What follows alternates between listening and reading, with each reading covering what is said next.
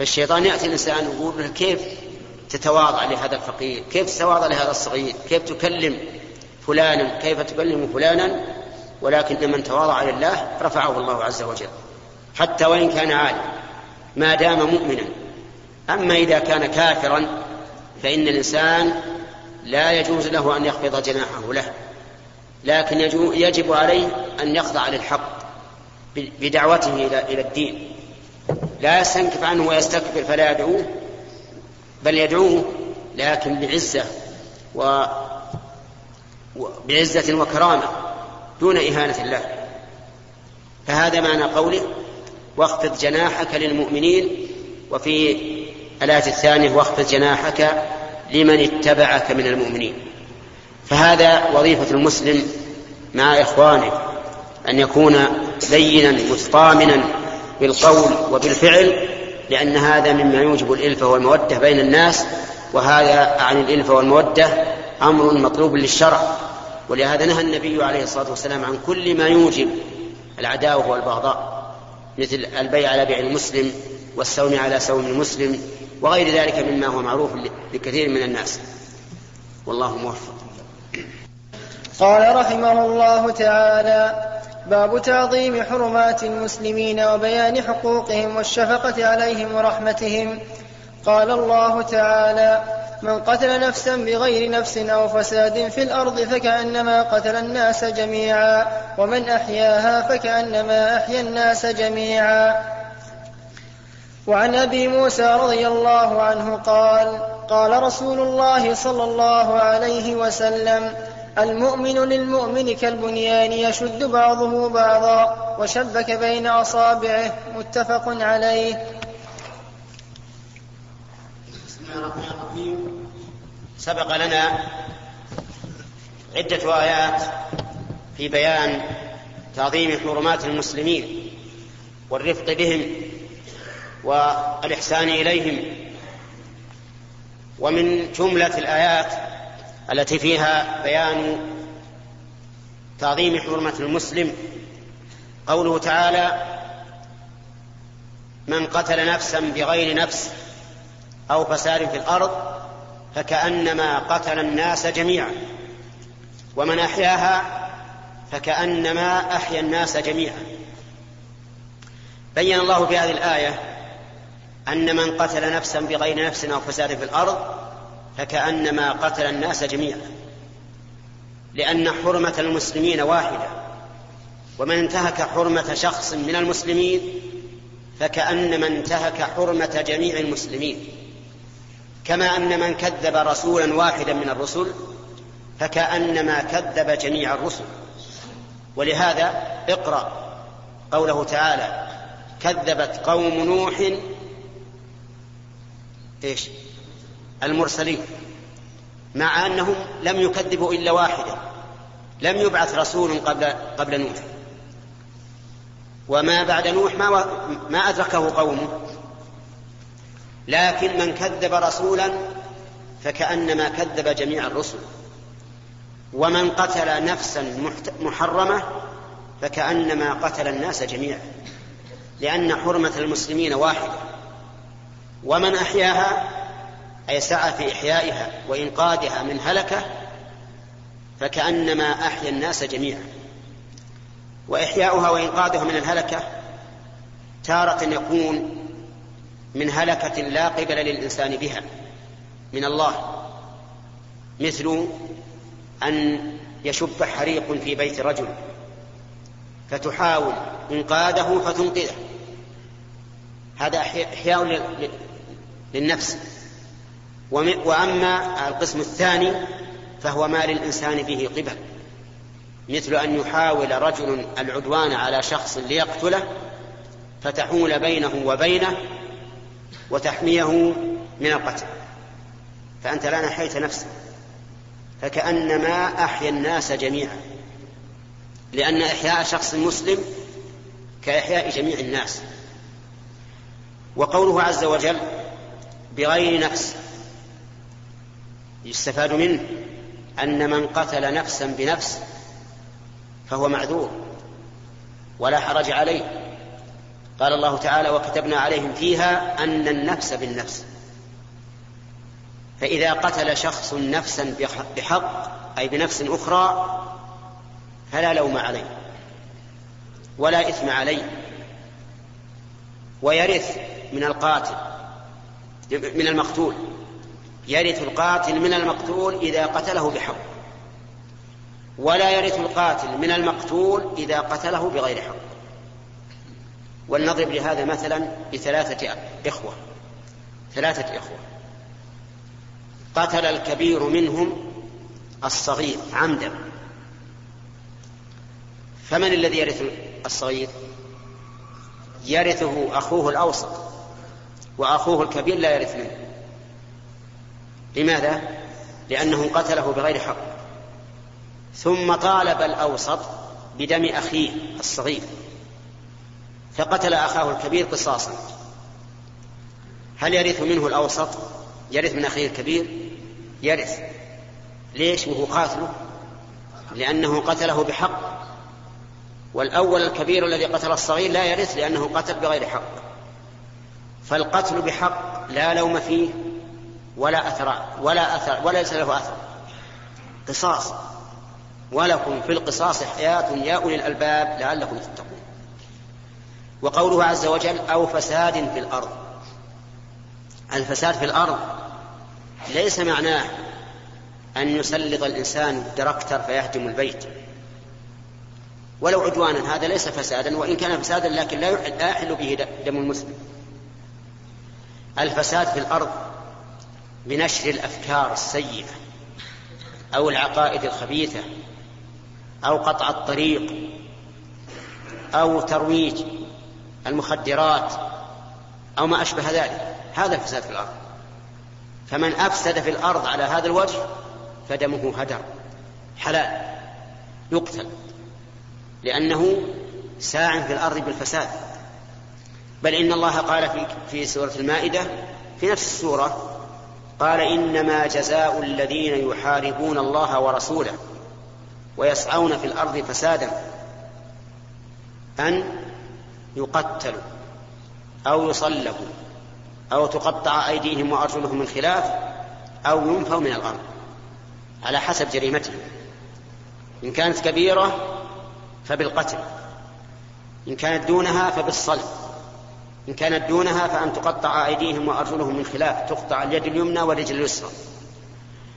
إن كان دون ذلك فأن ينفوا من الأرض إما بالحبس مدى الحياة كما قاله بعض أهل العلم وإما بالطرد عن المدن كما قاله آخرون.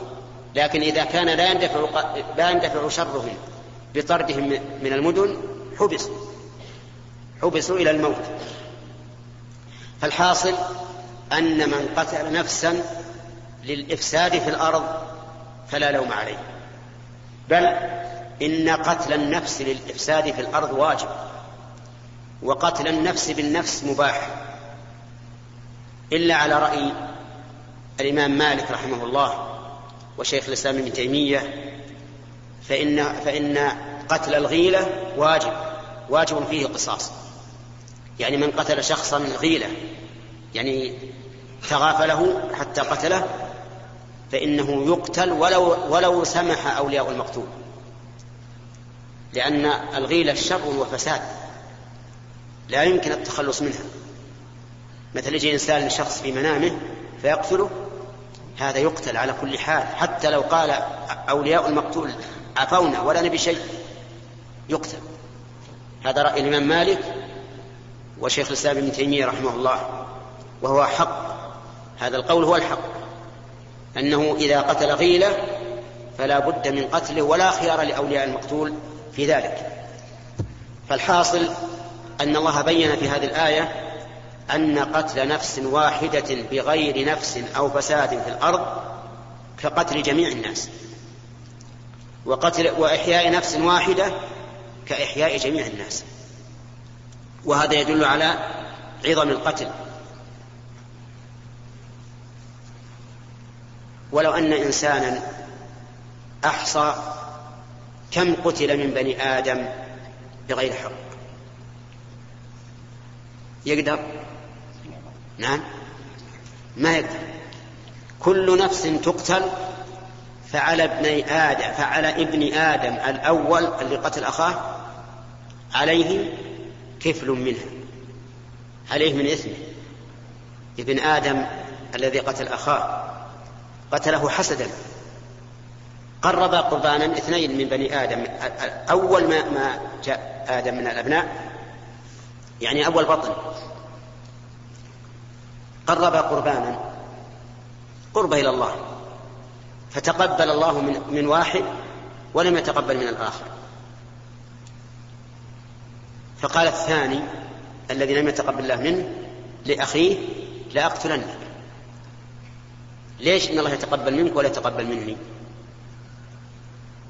حسد ولا ولا بحق؟ حسد.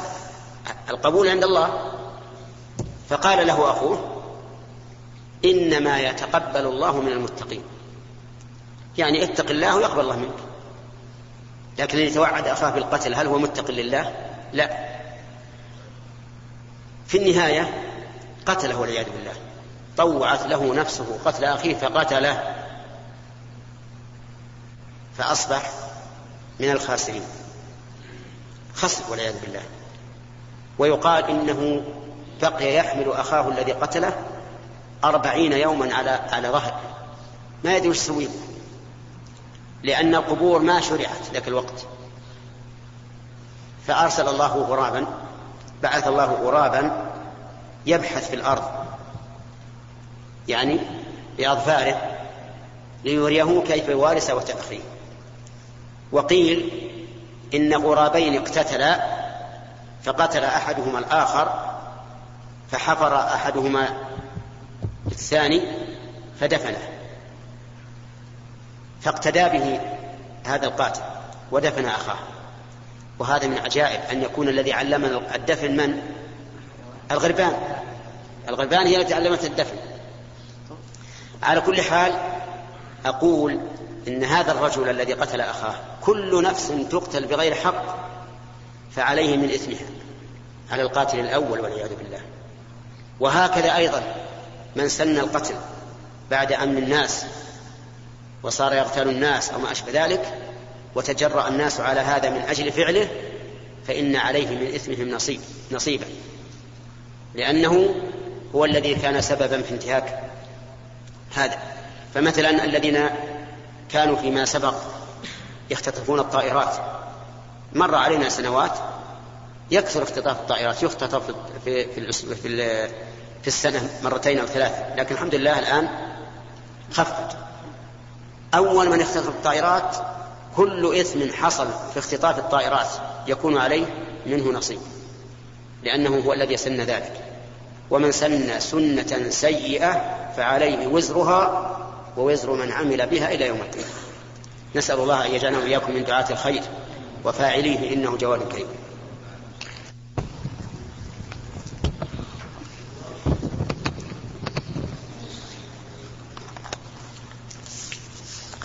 بسم الله الرحمن الرحيم. الحمد لله رب العالمين والصلاة والسلام على نبينا محمد وعلى آله وصحبه أجمعين. نقل المؤلف رحمه الله تعالى عن أبي موسى رضي الله عنه قال قال رسول الله صلى الله عليه وسلم من مر في شيء من مساجدنا أو أسواقنا ومعه نبل فليمسك أو ليقبض على نصالها بكفه أن يصيب أحدا من المسلمين منها بشيء. متفق عليه. وعن أبي هريرة رضي الله عنه قال قبل النبي صلى الله عليه وسلم الحسن بن علي رضي الله عنهما وعنده الأقرع بن حابس فقال الأقرع إن لي عشرة من الولد ما قبلت منهم أحد ما قبلت منهم أحدا فنظر إليه رسول الله صلى الله عليه وسلم فقال من لا يرحم لا يرحم متفق عليه.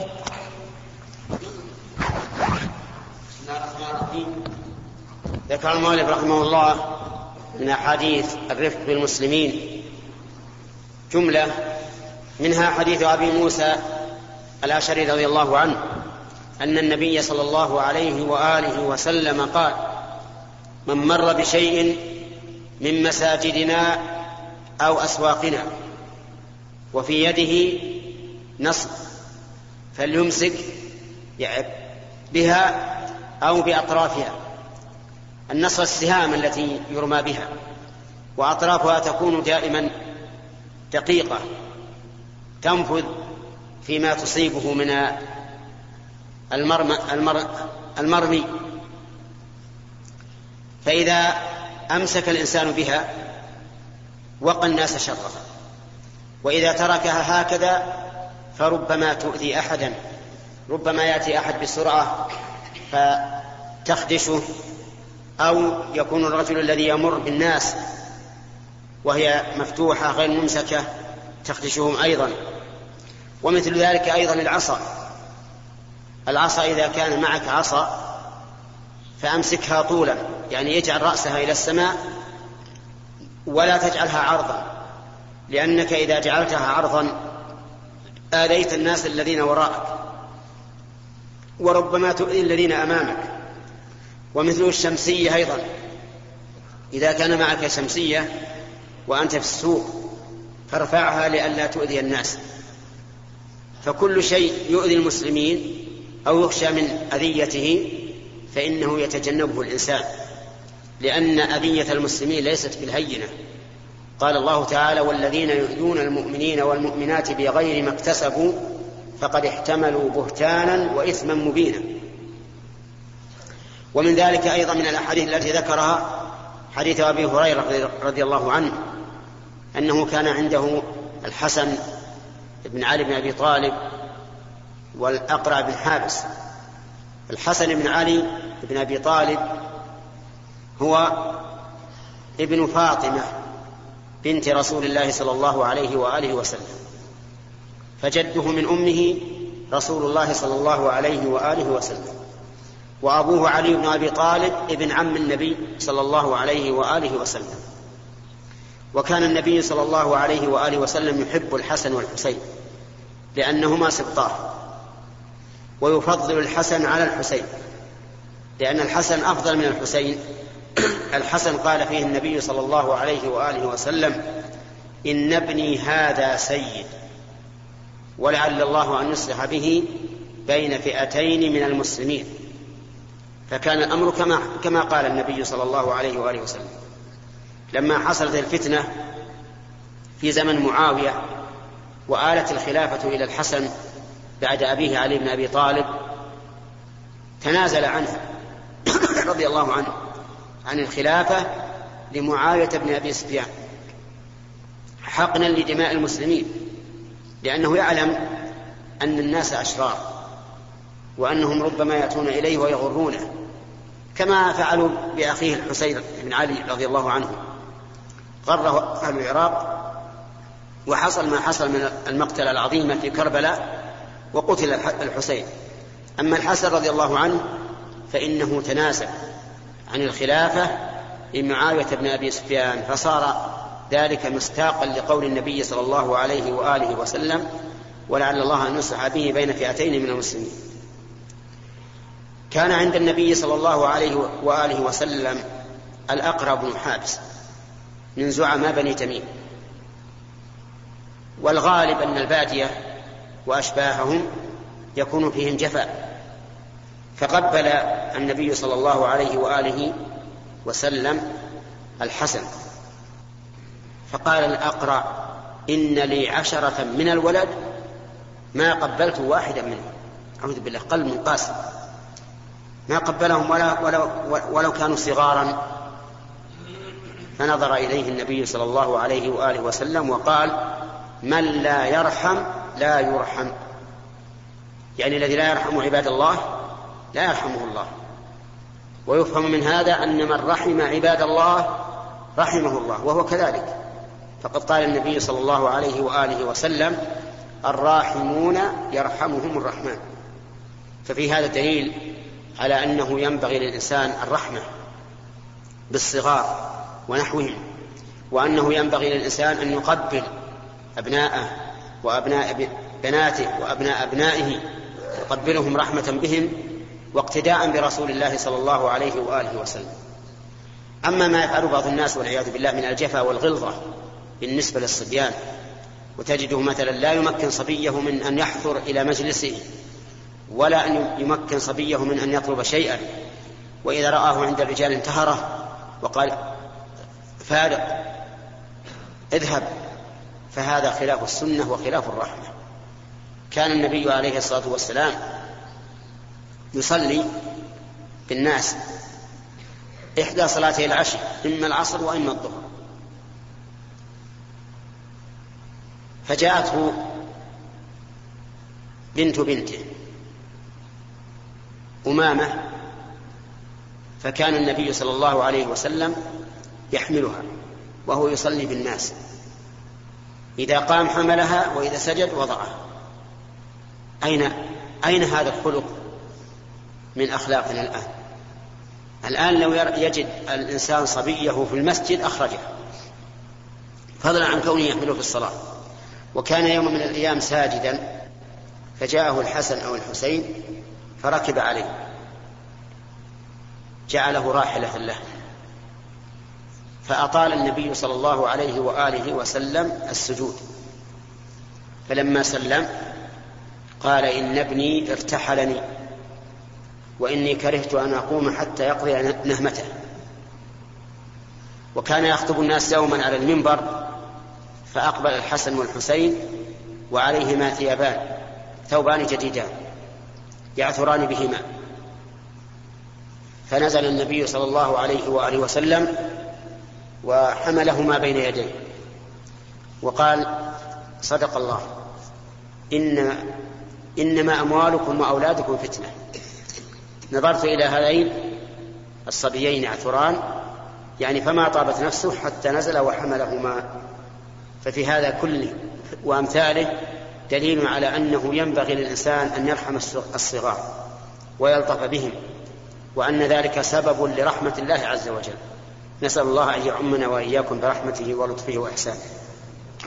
نقل المؤلف رحمه الله تعالى عن عائشة رضي الله عنها قالت قدم ناس من الأعراب على رسول الله صلى الله عليه وسلم فقالوا أتقبلون صبيانكم؟ فقال نعم. قالوا لكنا والله ما نقبل.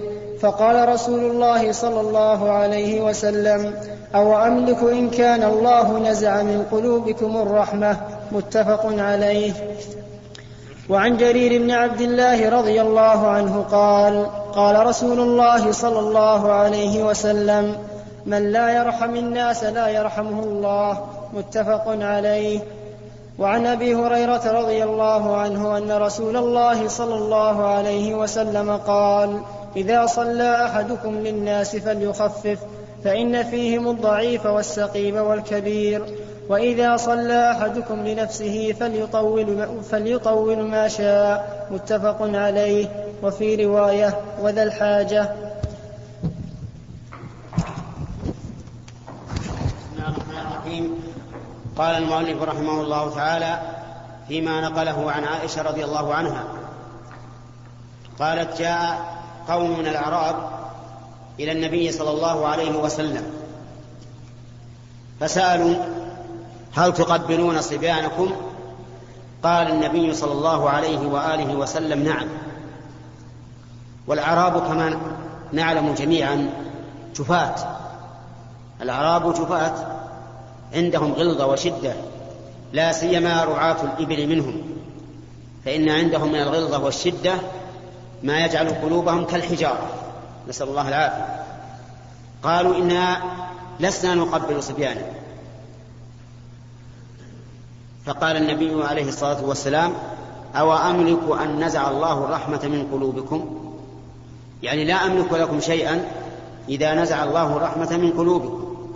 وفي هذا دليل على أن تقبيل الصبيان شفقة عليهم ورقة لهم ورحمة بهم دليل على أن الله تعالى قد أنزل في قلب الإنسان الرحمة.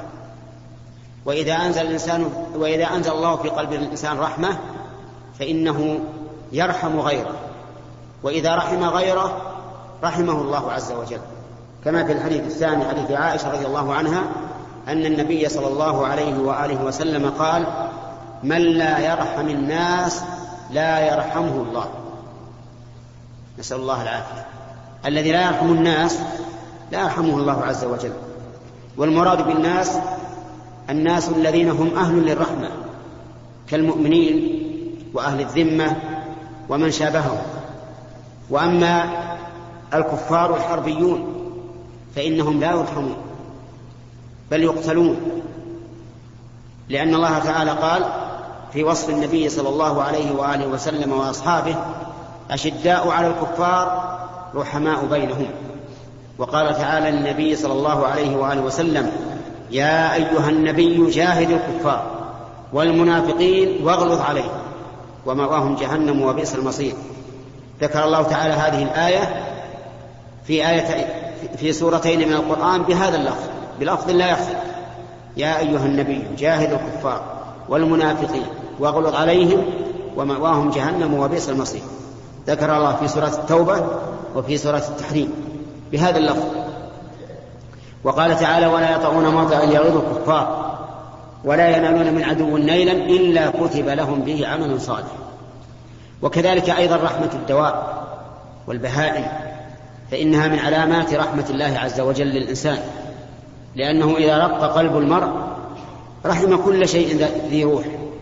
وإذا رحم كل شيء ذي روح رحمه الله. قيل يا رسول الله ألنا في البهائم أجر؟ قال نعم. في كل ذات كبد حرى أجر. ومن الشفقة والرحمة بالمؤمنين أن الإنسان إذا كان إماما لهم فإنه لا ينبغي له أن يطيل عليهم في الصلاة ولهذا قال عليه الصلاة والسلام إذا أمن إذا أحدكم الناس فليخفف. فإن من وراء السقيم والضعيف وذا الحاجة والكبير. يعني من ورائه أهل الأعذار أهل الأعذار الذين يحتاجون إلى التخفيف. والمراد بالتخفيف هنا ما وافق سنة النبي صلى الله عليه وآله وسلم. هذا التخفيف. ليس المراد بالتخفيف ما وافق أهواء الناس وصار الإنسان الإمام يركض في صلاته ولا يطمئن. المراد بالتخفيف ما وافق السنة. قال أنس بن مالك رضي الله عنه ما صليت وراء إمام قط أخف صلاة ولا أتم صلاة من النبي صلى الله عليه وسلم. ومع ذلك فكان يقرأ في فجر يوم الجمعة ألف لام ميم تنزيل السجدة كاملة في الركعة الأولى. وهل أتى على الإنسان في الركعة الثانية؟ كاملة وكان يقرأ بسورة الدخان في المغرب ويقرأ فيها بالمرسلات ويقرأ فيها بالطور وربما قرأ فيها بالأعراف. ومع هذا فهي خفيفة. قال أنس ما صليت وراء إمام قط أتم صلاة ولا أخف صلاة ولا أتم صلاة من النبي صلى الله عليه وآله وسلم. وليس هذا الحديث حجة للذين يريدون من الأئمة أن يخففوا تخفيفا ينقص الأجر. ويخالف السنة. ثم اعلم أنه قد يكون التخفيف عارضا طارئا مثل ما كان النبي صلى الله عليه وآله وسلم يفعل. يدخل في الصلاة وهو يريد أن يطيل فيها فيسمع بكاء الصبي فيوجز مخافة أن تفتتن أمه. فإذا حصل طارئ يوجب أن يخفف الإنسان صلاته فليخفف لكن على وجه لا يخل بالواجب. فالتخفيف نوعان تخفيف دائم وهو ما وافق سنة النبي صلى الله عليه وآله وسلم وتخفيف طارئ يكون أخف وهو ما دعت إليه الحاجة وهو أيضا من السنة. فإن النبي صلى الله عليه وآله وسلم إذا سمع بكاء الصبي يخفف الصلاة حتى لا تفتتن أمه. والمهم أنه ينبغي للإنسان مراعاة أحوال الناس ورحمتهم ولكن رحمتهم إذا كان إماما أن يسير بهم كما كان النبي صلى الله عليه وآله وسلم يسير بأصحابه. والله موفق. بسم الله الرحمن الرحيم. الحمد لله رب العالمين والصلاة والسلام على نبينا محمد وعلى آله وصحبه أجمعين. نقل المؤلف رحمه الله تعالى عن عائشة رضي الله عنها قالت إن كان رسول الله صلى الله عليه وسلم ليدع العمل وهو يحب أن يعمل به خشية أن يعمل به الناس فيفرض عليهم متفق عليه. وعنها رضي الله عنها قالت نهاهم النبي صلى الله عليه وسلم عن الوصال رحمة لهم فقالوا إنك تواصل. قال إني لست كهيئتكم إني أبيت يطعمني ربي ويسقيني. متفق عليه.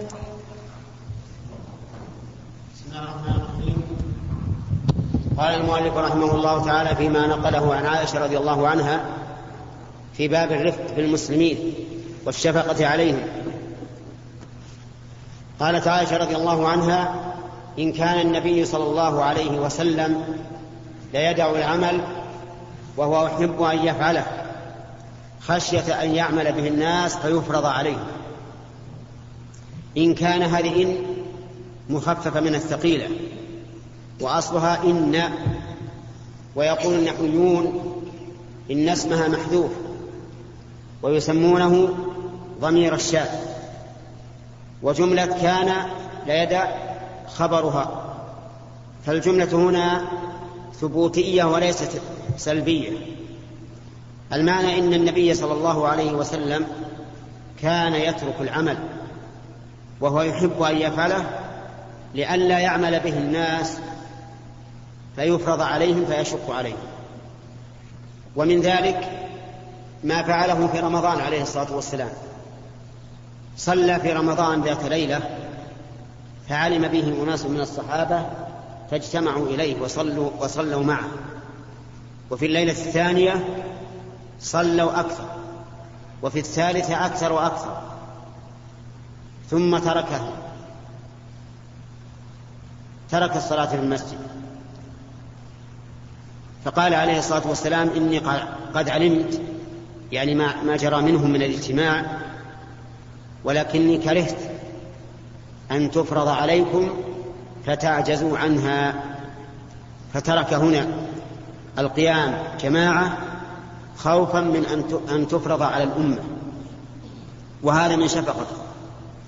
وكان يقول لولا أن أشق على أمتي لفعلت كذا وكذا أو لأمرت بكذا وكذا.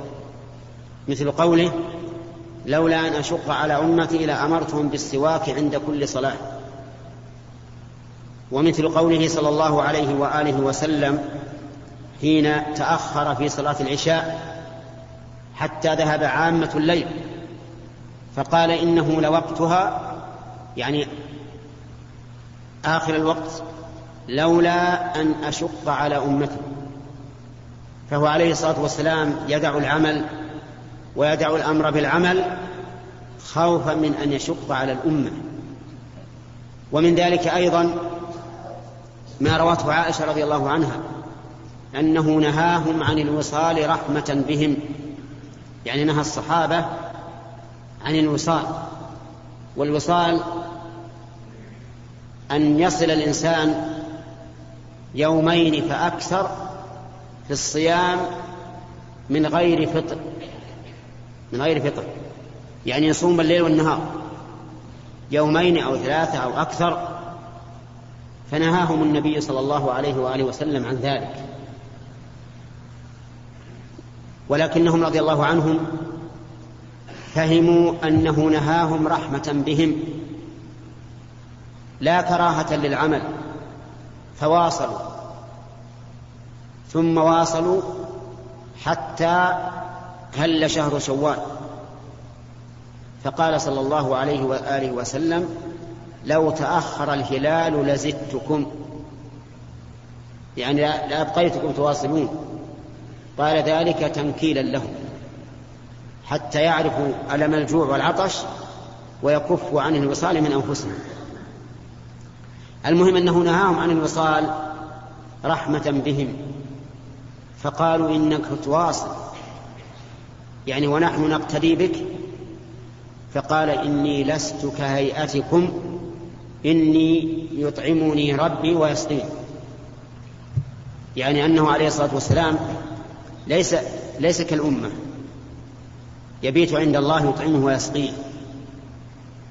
ومعنى ذلك أنه عليه الصلاة والسلام يتهجد بالليل ويخلو بالله عز وجل بذكره وقراءة كلامه وغير ذلك مما يغنيه عن الأكل والشرب.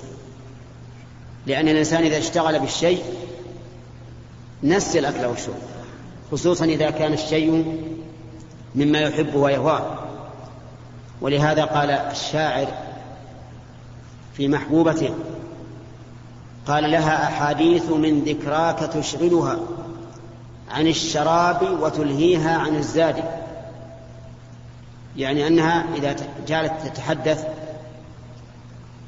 بهذا الرجل ألهاها عن الطعام والشراب. وهو أمر واضح واقع. حتى إن الإنسان أحيانا يكون في الأشغال يشتغل بها فيلهو عن الأكل والشرب.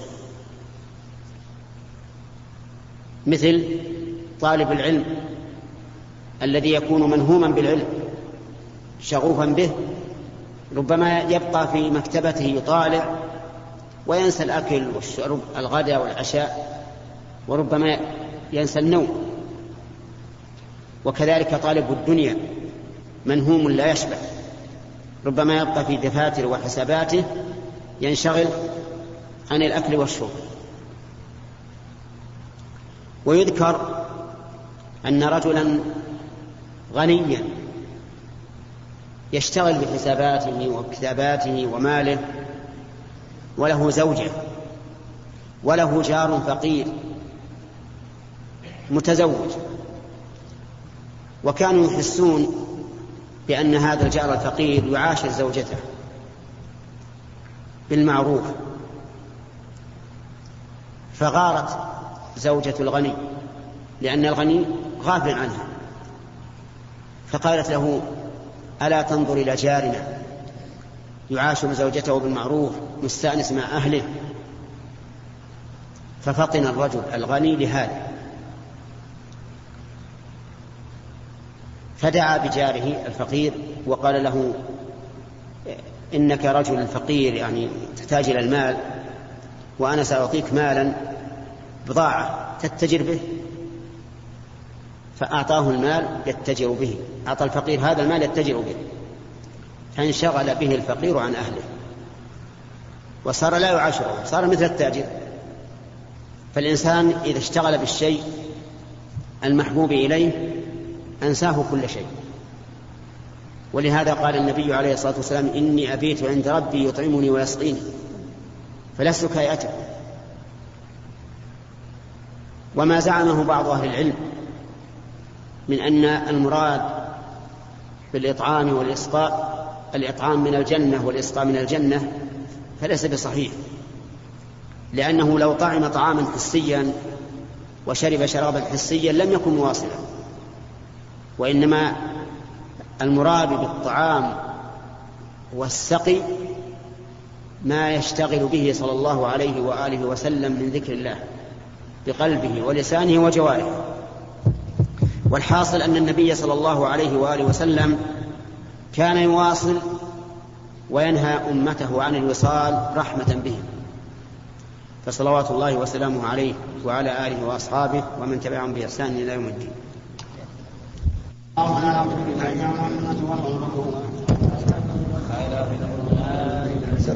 لا حول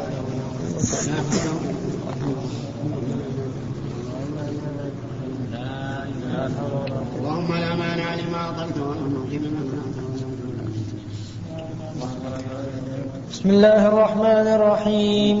الحمد لله رب العالمين والصلاة والسلام على نبينا محمد وعلى آله وصحبه أجمعين. نقل المؤلف رحمه الله تعالى عن أبي قتادة الحارث بن ربعي رضي الله عنه قال قال رسول الله صلى الله عليه وسلم إني لأقوم إلى الصلاة وأريد أن أطول فيها فأسمع بكاء الصبي فأتجوز في صلاتي كراهية أن أشق على أمه. رواه البخاري. وعن جندب بن عبد الله رضي الله عنه قال قال رسول الله عن جندب بن عبد الله. وعن جندب بن عبد الله رضي الله عنه قال قال رسول الله صلى الله عليه وسلم من صلى صلاة الصبح فهو في ذمة الله فلا يطلبنكم الله من ذمته بشيء فإنه من يطلبه من ذمته بشيء يدركه ثم يكبه على وجهه في نار جهنم. رواه مسلم.